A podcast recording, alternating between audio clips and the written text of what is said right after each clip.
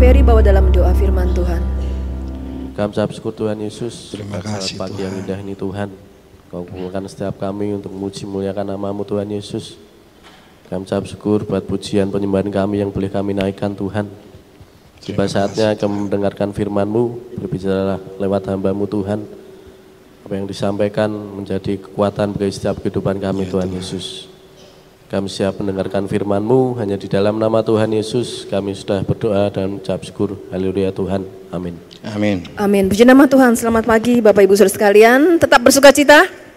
Amin. Ya, sudah memasuki di bulan Januari dan sebentar lagi Januari akan berakhir. Tidak terasa sudah bulan kedua ya. Nanti tidak terasa lagi sudah Paskah lagi. Luar biasa. Hari cepat berlalu. Puji nama Tuhan. Pada kesempatan pagi hari ini Bapak Gembala eh, melayani di Gebis Kepunton di Solo ya. Beliau mendapatkan eh, tugas untuk melayani di tempat sana. Puji nama Tuhan pada kesempatan pagi hari ini kembali kita akan belajar firman Tuhan. Satu tema yang ingin saya bawakan adalah just do it. Apa artinya? Lakukanlah. Jadi secara gampangnya mungkin bahasa ayo dikerjakan, ayo dilakukan. Apa sih harus dikerjakan? Apa sih harus dilakukan? Ya. Kita sama-sama baca dalam Yakobus 1 ayat yang ke-22. Yakobus 1 ayat yang ke-22, saya undang kita pakai berdiri sekali lagi untuk membaca ayat ini bersama-sama. Yakobus 1 ayat yang ke-22. Satu, dua, tiga. Tetapi hendaklah kamu menjadi pelaku firman dan bukan hanya pendengar saja. Sebab jika tidak demikian, kamu menipu diri sendiri. Terima kasih, silakan duduk. Ya. Jadi apa yang harus dilakukan? Dikatakan firman Tuhan katakan lakukanlah firman Tuhan. Kita harus menjadi pelaku firman Tuhan. Bapak Ibu Saudara kalau saya tanyakan siapa sih yang sudah ngerti firman Tuhan? Siapa sih yang sudah hafal ayat-ayat firman Tuhan? Banyak yang hafal ayat-ayat firman Tuhan di luar kepala. Ya, ada hamba Tuhan yang luar biasa sekali, ada jemaat kita juga yang luar biasa sekali. Dia sangat hafal sekali eh, ayat-ayat tanpa buka Alkitab mereka sudah tahu. Oh, ini di sini alamatnya eh, kata-katanya seperti ini. Banyak orang yang belajar tentang firman Tuhan. Bahkan ada sekolah, ya kan? Ada sekolah Alkitab dari kelas 1, kelas 2. Dulu Bapak Gembala sampai kelas 3. Kemudian ada lagi sekolah lagi tentang firman Tuhan. Yang harus belajar firman Tuhan apa lagi? Tentang teologi, STT. Ada yang sekolah S1, S2, bahkan sampai S3 terus mendalami tentang firman Tuhan. Bagus, ya kita mau belajar firman itu luar biasa. Tetapi satu hal yang menjadi tantangan adalah firman Tuhan itu bukan hanya sekedar kita pelajari. Firman Tuhan itu bukan sekedar kita hafal, kita ngerti. Tetapi yang dikatakan apa? Firman Tuhan itu harus dilakukan. Jadi ketaatan kita dalam melakukan firman Tuhan itu yang penting. Maka dikatakan, sebab jika tidak demikian, kamu menipu diri sendiri. Seberapa banyak kita sudah menjadi pelaku firman Tuhan? Satu contoh kalau kita belajar musik Bapak Ibu Saudara sekalian ya, kalau kita belajar musik mungkin kita bisa hafal chord-chordnya. C itu harus mainnya di mana, D ya, chordnya seperti seperti apa. Tetapi kalau cuman secara teori kita hafal dan kita nggak pernah praktekkan, bisa nggak kita belajar musik? Nggak bisa. Ya, kita nggak bisa belajar musik. Oh, hafal C-nya seperti ini. Bapak Gembala pernah kesaksian ketika beliau belajar gitar secara otodidak, ya. Dia hanya hafal chord-chordnya saja. Oh, do mi sol seperti ini, C seperti ini, F, ya G seperti ini dan dia tidak pernah punya gitar untuk dia praktekkan. Jadi hanya mulutnya saja yang jreng bunyi, jreng bunyi. Apakah itu nanti ketika disuruh eh, memainkan musik bisa menjadi suara yang indah?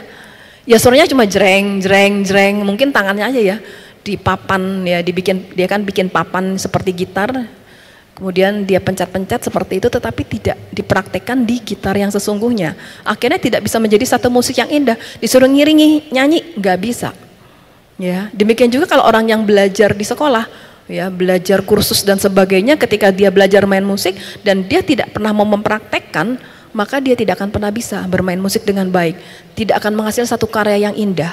Tidak bisa eh, memainkan dengan baik.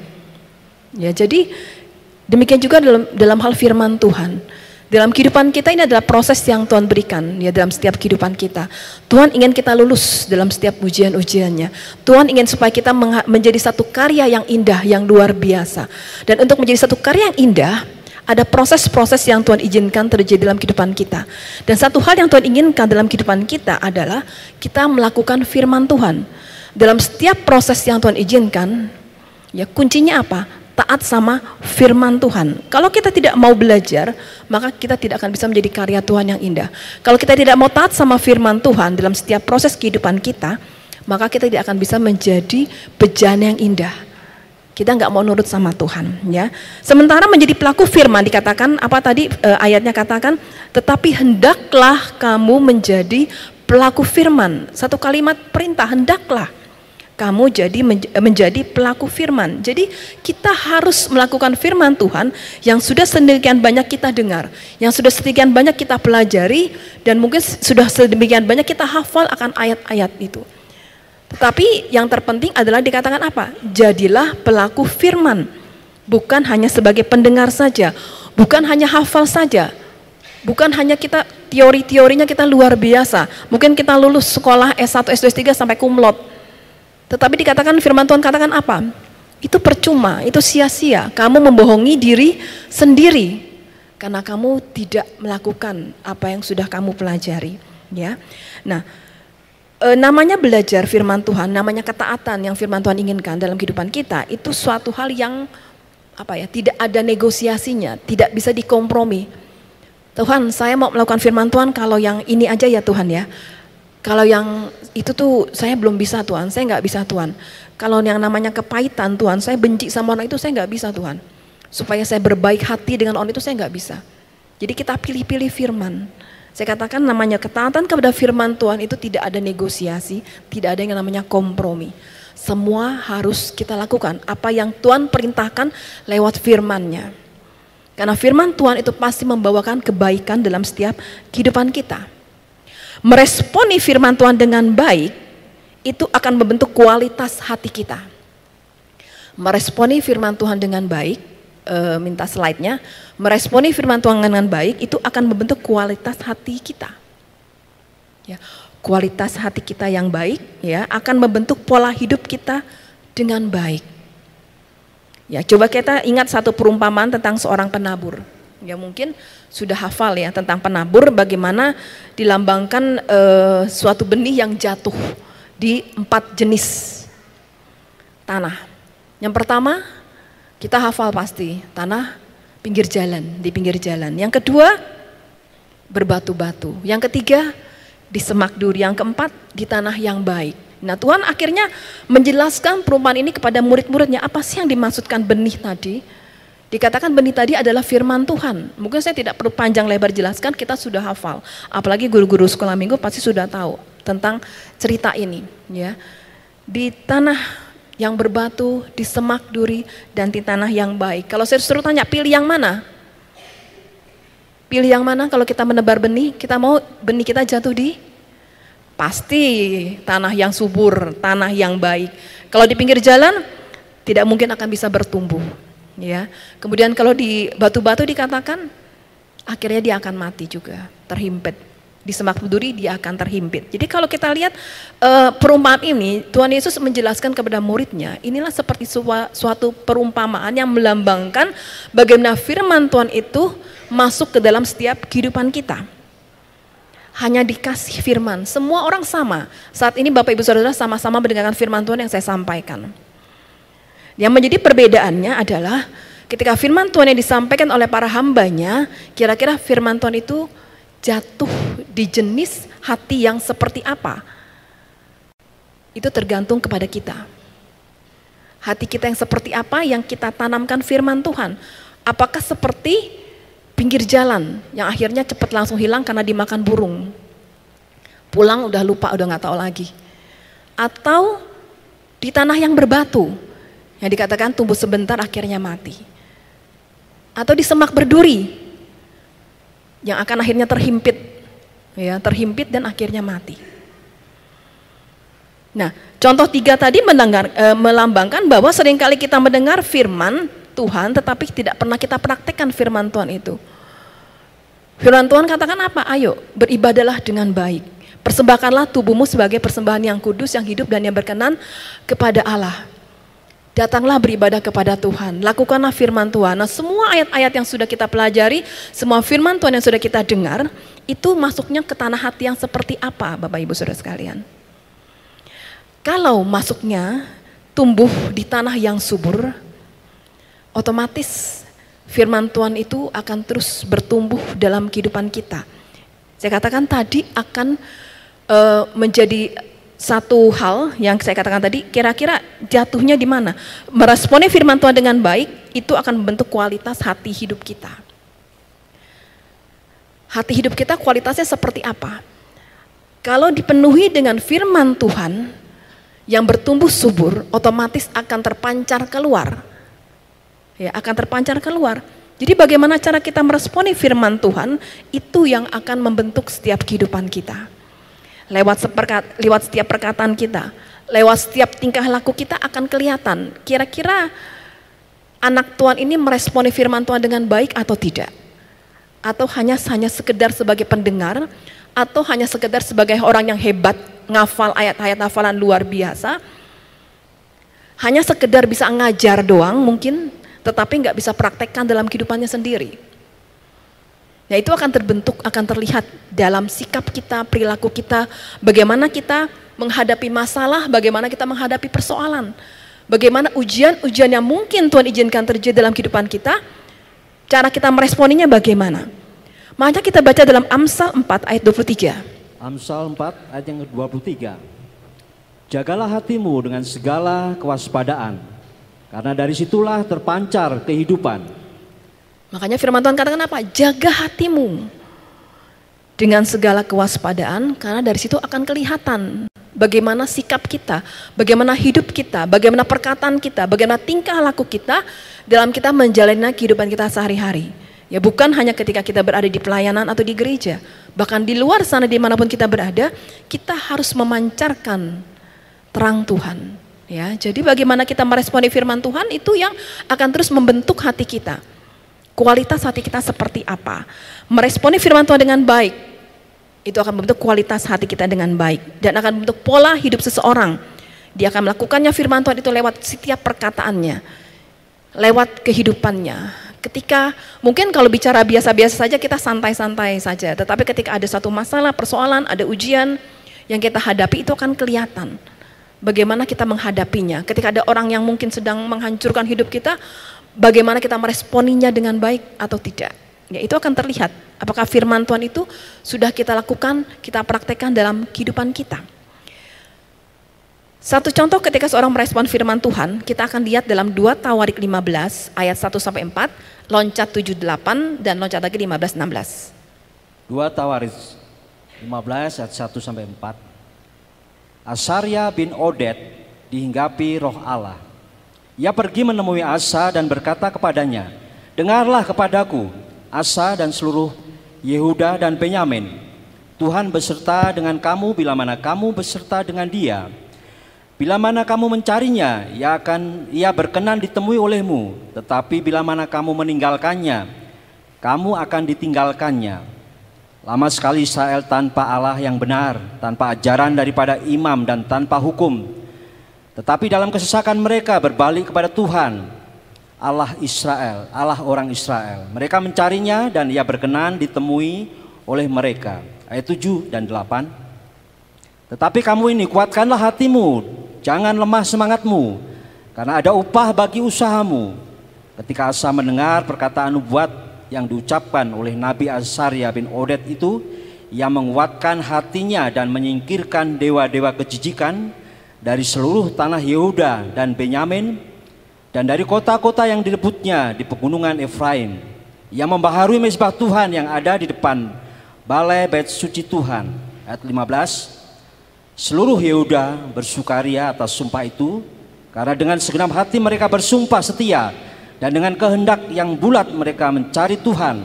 Tuhan berkenan ditemui oleh mereka dan mengaruniakan keamanan kepada mereka di segala penjuru. Ya, kita lihat satu contoh ya, ketika bangsa Israel dikatakan ayat 3 tadi, lama sekali Israel tanpa Allah yang benar. Ya, tanpa ajaran daripada imam dan tanpa hukum. Jadi mereka mengalami masa-masa di mana mereka tidak melakukan firman Tuhan. Mereka tidak mempraktekkan firman Tuhan. Ya dikatakan bahwa tetapi akhirnya ketika ditegur, diingatkan, mereka mau berbalik kepada Tuhan. Dan respon Raja Asa lakukan apa? Dikatakan ayat 8, ketika Asa mendengar perkataan nubuat yang diucapkan oleh Nabi Asarya bin Oded itu, ia menguatkan hatinya dan menyingkirkan dewa-dewa kejijikan dari seluruh tanah Yehuda dan Benyamin dan kota-kota dari kota-kota yang direbutnya di pegunungan Efraim. Ia membaharui mesbah Tuhan yang ada di depan balai bait Tuhan. Dikatakan ketika mendengar itu, ya, ketika dia lihat bangsa Israel sudah hidupnya tidak berkenan kepada Allah, mungkin ngerti Allah, ngerti firman Tuhan, tetapi tidak melakukan firman Tuhan. Tetapi ketika ditegur dikatakan apa respon Asa? Dia melakukan firman Tuhan. Dia menyingkirkan, dia mempraktekkan firman Tuhan dengan cara apa? Di satu salah satunya adalah dengan menyingkirkan dewa-dewa kejijikan tadi dikatakan. Dia membawa kembali bangsa Israel untuk datang kepada Tuhan. Dan dikatakan apa? Seluruh Yehuda bersukaria atas sumpah itu. Dan satu hal lagi yang dilakukan Raja Asa adalah kalau kita baca ayat ke-16, bahkan Raja Asa memecat Maaka neneknya dari pangkat ibu suri karena neneknya itu membuat patung Asyera yang keji. Asa merobohkan patung yang keji itu, menumbuknya sampai halus dan membakarnya di lembah Kidron. Ya, jadi dikatakan apa? Ketika Asa melakukan firman Tuhan, apa yang dialami oleh bangsa Yehuda? Tuhan berkenan ditemui oleh mereka dan mengaruniakan keamanan kepada mereka di segala penjuru. Ada damai sejahtera yang Allah berikan dalam kehidupan kita. Bapak Ibu Saudara sekalian, kalau kita mau melakukan firman Tuhan, ada damai sejahtera. Tetapi kalau kita tidak mau melakukan firman Tuhan, kita tetap hidup dengan dosa kita, kita hidup dengan kepahitan kita mungkin, kita hidup dengan hal-hal yang tidak berkenan di hadapan Allah, otomatis hidup kita tidak akan damai sejahtera. Kecuali kita sudah tidak peka lagi dengan suara Tuhan Kecuali kita lagi tidak mau dengar suara Tuhan ya sudah cuek-cuek saja ya sudah. Seperti Raja Herodes ya.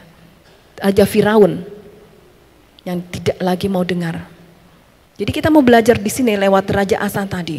Ketika mereka mau melakukan firman Tuhan, mau mempraktekkan firman Tuhan, dikatakan apa? Damai sejahtera Allah berikan, keamanan, kenyamanan Allah berikan dalam setiap kehidupan kita. Kita baca Yes, Yesaya, Yesaya 263 tadi, yang hatinya teguh, Kau jagai dengan damai sejahtera sebab kepadamulah ia percaya. Ya, Yesaya 26 ayat 3. Yesaya 26 ayat 3. Yang hatinya teguh kau jagai dengan damai sejahtera sebab kepadamulah ia percaya. Hati yang teguh kepada siapa?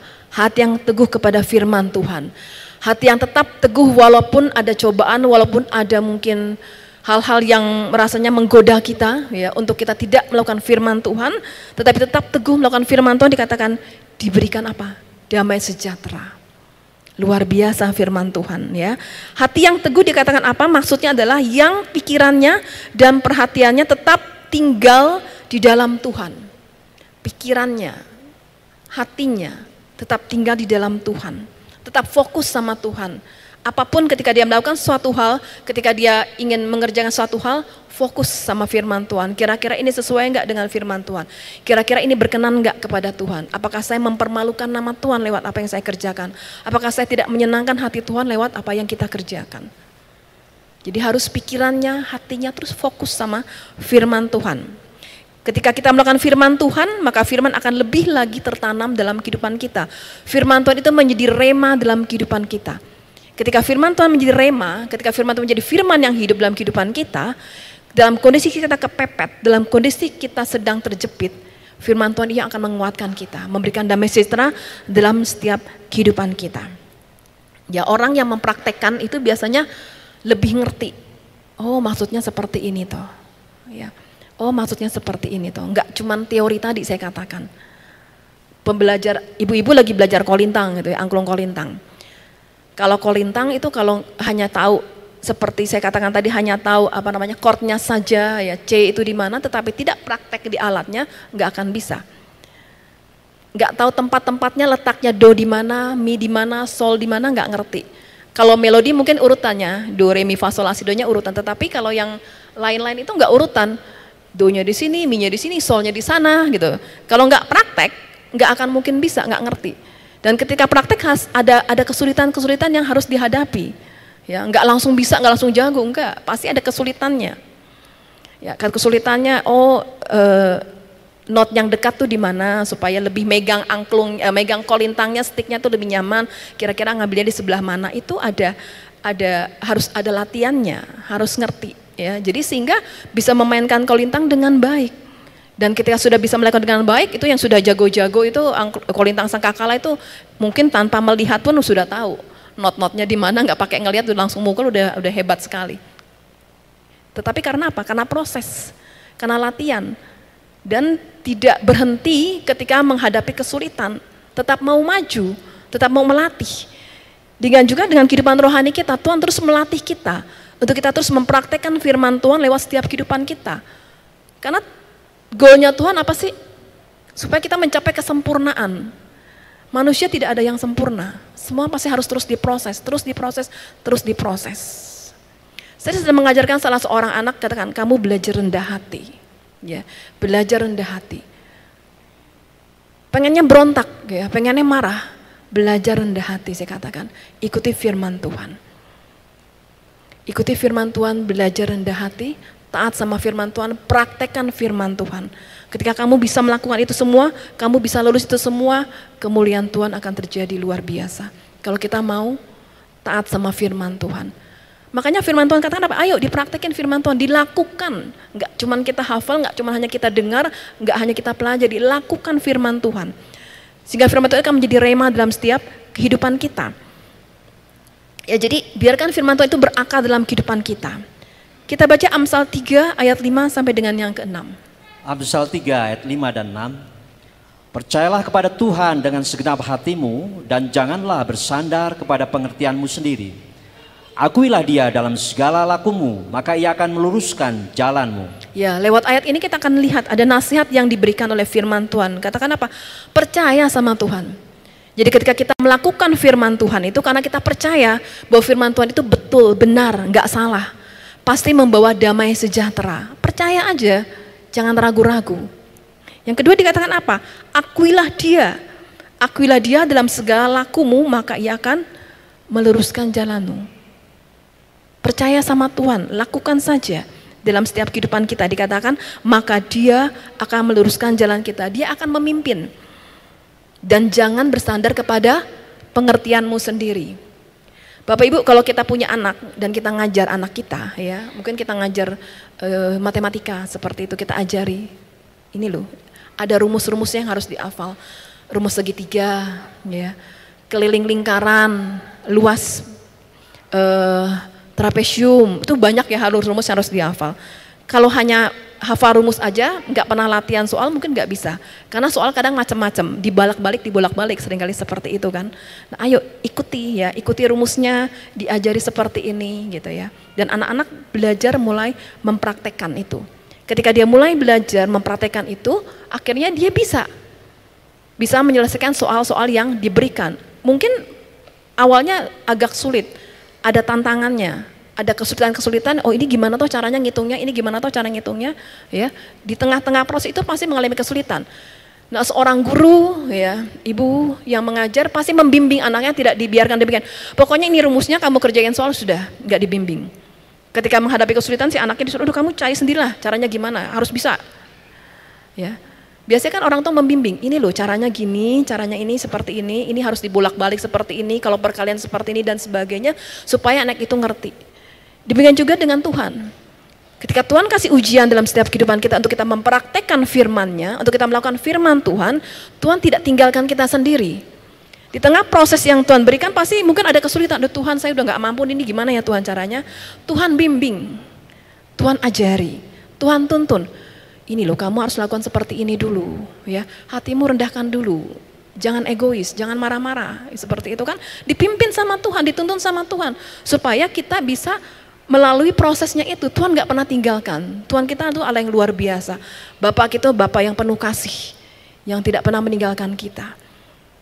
Ketika dia berikan proses kehidupan untuk membentuk hidup kita, dia membimbing kita, dia menuntun kita, dia menguatkan kita, dia menghibur kita.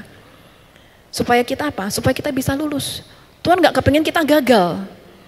Tuhan nggak pengen kita supaya kita syukur ya kamu nggak lulus. Sudah tak kasih ujian, sudah tak kasih firman Tuhan, kamu nggak bisa lakukan. Udah ya sudah kamu nggak usah lulus ya, kamu tidak bisa mencapai kesempurnaan. Enggak. Tuhan ingin kita semuanya lulus. Tuhan ingin supaya kita semuanya mencapai kesempurnaan. Makanya dia bimbing terus, dia bimbing terus, dia dampingi kita, dia merangkul kita. Ketika kita terjatuh, dia rangkul kita. Mungkin manusia sering kali nggak bisa seperti itu. ya Tidak bisa merangkul, tidak bisa membimbing, tidak bisa menolong. Ada guru-guru juga yang mungkin seperti itu, tidak bisa merangkul, tidak bisa membimbing, tidak bisa menolong. Inginnya menghancurkan, bisa seperti itu. Tetapi Allah kita Allah yang luar biasa. ya jadi mari kita lakukan firman Tuhan, percaya. Lakukan firman Tuhan, akuilah jalanmu. Amsal 13 ayat 13. Amsal 13 ayat yang ke-13. Siapa meremehkan firman, ia akan menanggung akibatnya. Tetapi siapa taat kepada perintah akan menerima balasan. Ya, ini firman Tuhan sudah mengingatkan lagi kepada kita.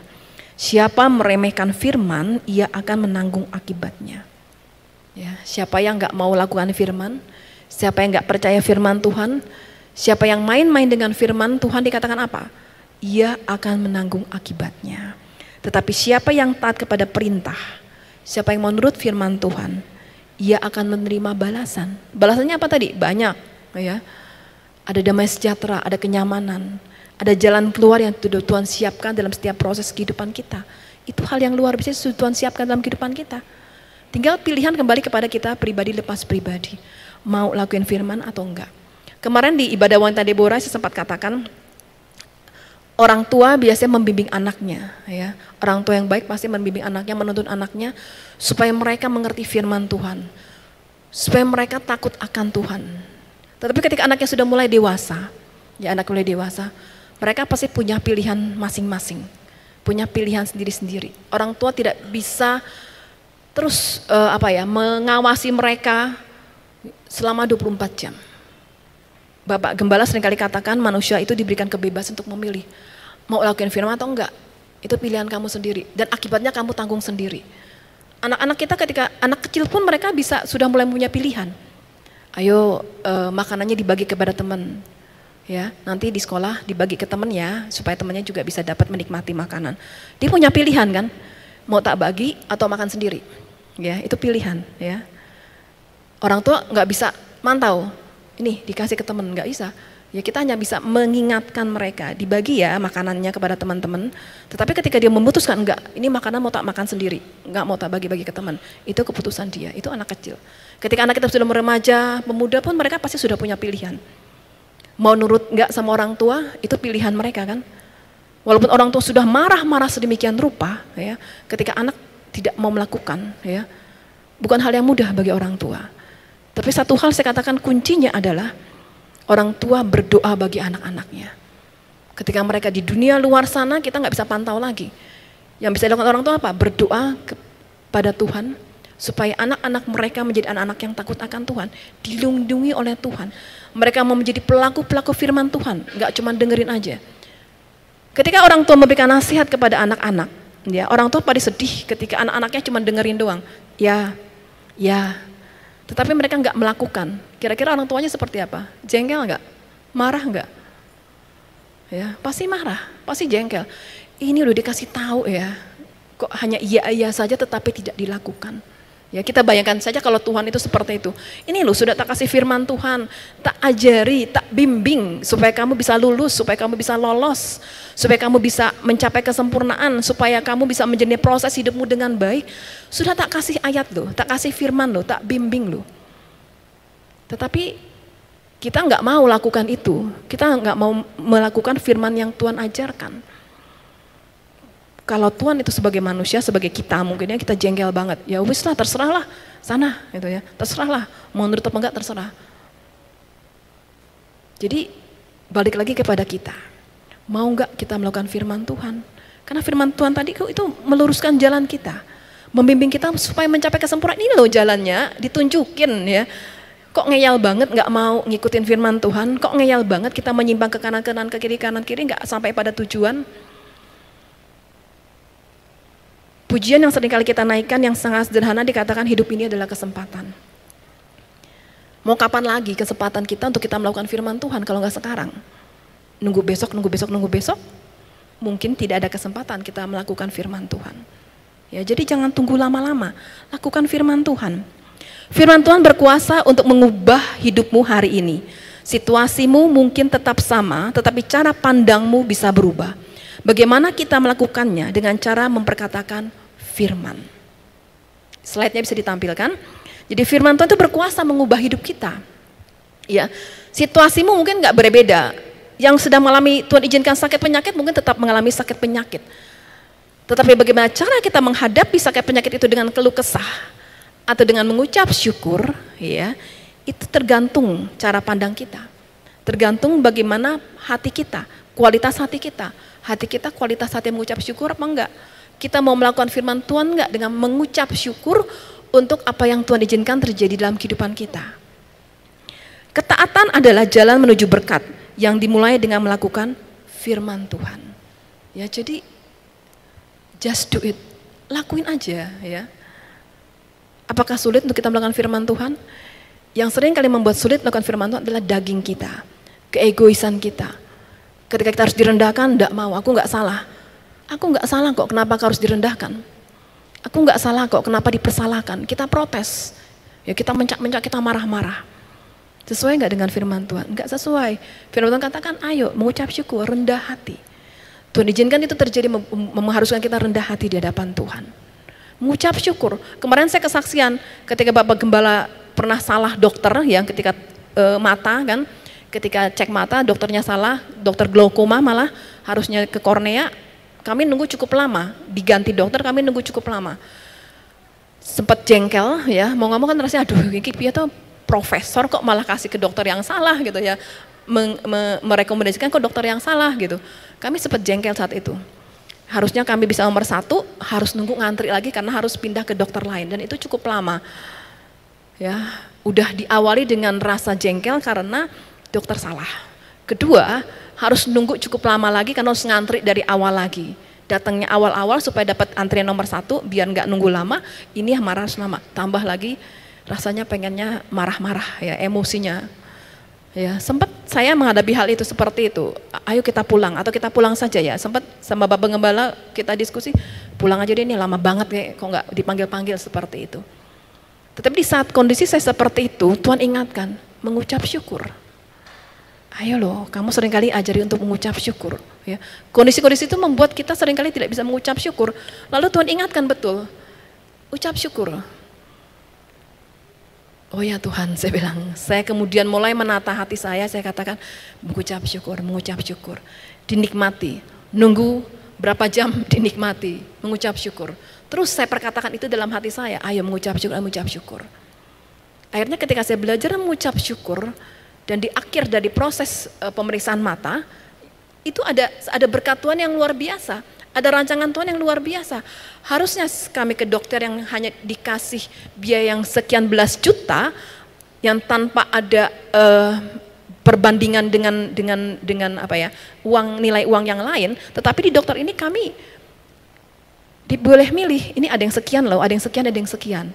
Dan dokter itu asal, oh yang ini aja, nggak usah yang mahal-mahal, karena sama. Dan itu kan berkat Tuhan luar biasa, ya. Tuhan pimpin, Tuhan bikin salah, akhirnya kami ke dokter itu, dan Tuhan tunjukkan, loh ini loh maksudnya, Tuhan alihkan ke seperti itu, proses yang saya alami mungkin rasanya nggak enak, nunggu lama, salah dokter, bikin marah-marah ya. Tetapi ketika saya belajar mengucap syukur, saya lihat, oh iya, ketika saya melakukan firman Tuhan dengan belajar mengucap syukur, ada damai sejahtera dalam hati saya. Dan ada berkat yang Tuhan berikan ketika saya melakukan hal itu. Akhirnya nominalnya kan tidak hanya harus belasan juta, hanya tiga juta sekali suntik. Itu perbedaan yang jauh sekali. Jadi lewat peristiwa kecil ini saya belajar. Ketika kita melakukan firman Tuhan, ada berkat Tuhan sudah menanti di sana. Ada damai sejahtera yang Tuhan siapkan dalam kehidupan kita. Kembali lagi pilihannya kepada Bapak Ibu, Saudara sekalian. Mau nggak kita melakukan firman Tuhan, just do it. Lakuin aja. Percaya aja deh sama Tuhan. Karena Tuhan tidak akan pernah menyesatkan kita. Tuhan tidak akan pernah menghancurkan kita. Manusia mungkin bisa menghancurkan kita, tapi Tuhan tidak akan pernah menghancurkan kita. Jalannya, firmannya menuntun kita kepada kebenaran. Firmannya menuntun kita kepada damai sejahtera. Puji nama Tuhan itu firman Tuhan yang bisa saya berikan pada kesempatan pagi hari ini.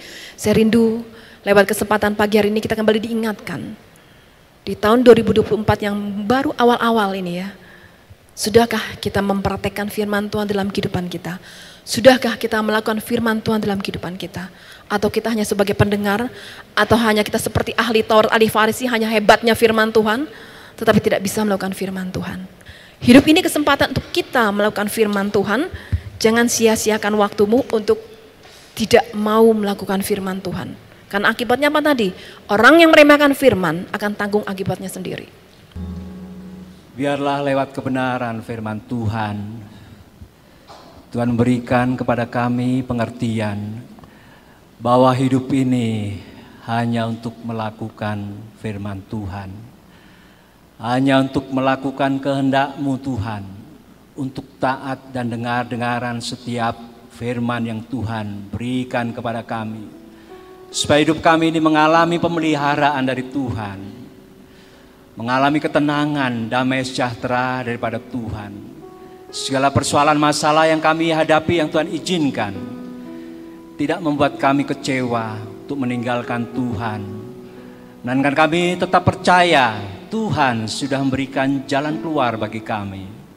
Untuk kami mengalami sendiri keajaiban-keajaiban dari kuasa firman dan rohmu dalam hidup kami membuat kehidupan kami semakin hari semakin takut akan Engkau untuk terus tetap melakukan kehendak Tuhan. Terima kasih Tuhan Roh Kudus kiranya memeteraikan di dalam kami untuk kami mampu melakukan firman Tuhan. Dalam nama Tuhan Yesus Kristus kami berdoa. Haleluya. Amin.